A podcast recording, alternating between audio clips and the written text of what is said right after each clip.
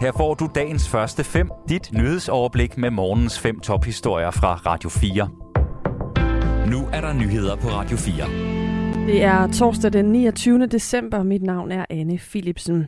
Udenrigsminister fra 12 lande heriblandt Danmark opfordrer nu Afghanistans Taliban-ledede regering til at omgøre beslutningen om at udelukke kvinder fra arbejde i NGO'er. Udover Danmark og EU, så har udenrigsminister fra USA, Australien, Kanada, Frankrig, Tyskland, Italien, Norge, Schweiz, Storbritannien og Holland skrevet under på den her opfordring. Siden den 15. december er det Lars Lykke Rasmussen, der er Danmarks udenrigsminister. I lørdags beordrede Taliban-styret i Afghanistan alle NGO'er til ikke at lade kvindelige ansatte møde på arbejde. Taliban begrunder beslutningen med, at nogle kvindelige medarbejdere ikke har fulgt reglerne for islamisk beklædning for kvinder. Ugen inden gjorde Taliban det forbudt for kvinder at gå på universitetet. Piger blev forbudt at gå i skole tilbage i marts måned. Ordren fra Taliban har fået flere NGO'er til at sætte deres arbejde i landet på pause. En dansk familie skal hver måned finde flere tusind kroner ekstra i budgettet næste år. Sådan lyder vurderingen fra pensionsselskabet PFA. En typisk dansk familie har måttet finde 4.000 ekstra kroner i budgettet om måneden for at holde trit med højere udgifter til f.eks. varme, el, benzin og fødevarer. Og ifølge en beregning fra PFA, så skal der i 2023 findes 2.000 kroner ekstra hver måned, hvis man stadig skal kunne følge med priserne. Det vurderer Camilla Jolin Poulsen, der er privatøkonom hos PFA. Vi bygger vurderingen på de øh, kvalificerede gæt, der er kommet på, hvor inflationen vil ligge i 2023.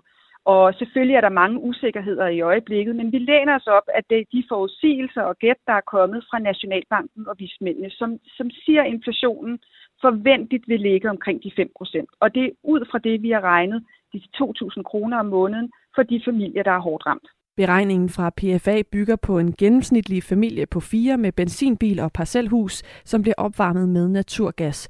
Bor man i en bolig, der er tilkoblet fjernvarmenettet, så har familiens ekstra regning været lidt mindre det seneste år. Inflationen i Danmark har set over hele 2022 været på cirka 8 procent. Og skal man tro en prognose fra Nationalbanken, så vil vi næste år se en inflation, der ligger over 4 procent. Danmark kan ikke stille med et afløsningshold, når det nuværende hold af danske soldater i Letland skal hjem til foråret. Sådan lyder det fra herrchef og generalmajor Gunnar Arbe Nielsen i et interview med Berlingske. En stor del af hærens personel har været udsendt inden for det seneste år, og det betyder, at vi er nødt til at have en periode, hvor vi kan bygge op igen, siger han.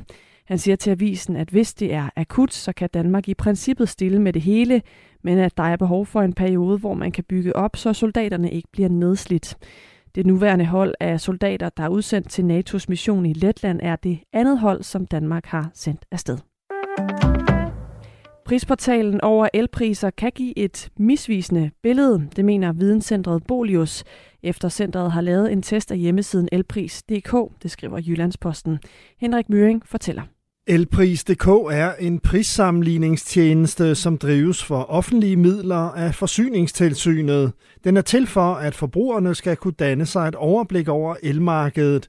Men elselskaberne skal selv indberette deres priser til tjenesten, og ifølge Jørgen Mungsgaard Rasmussen, som er boligøkonomisk fagekspert hos Bolius, kan det være et problem.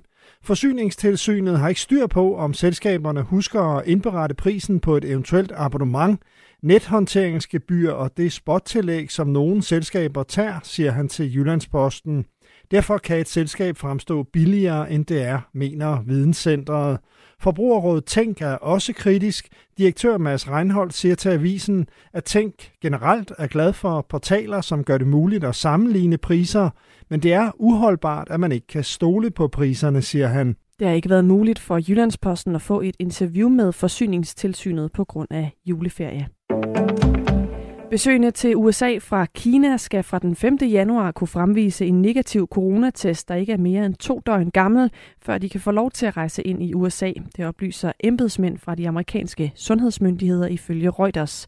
Kravet gælder rejsende, der flyver fra enten Kina, Macau eller Hongkong, og dermed er USA det forløbige femte land, der indfører nye indrejserestriktioner fra Kina. Dagens første fem er tilbage igen i morgen tidlig. Hvis du har brug for en nyhedsopdatering inden da, kan du altid fange os i radioen, på nettet og i vores app. Vi høres ved til dagens første fem fra Radio 4.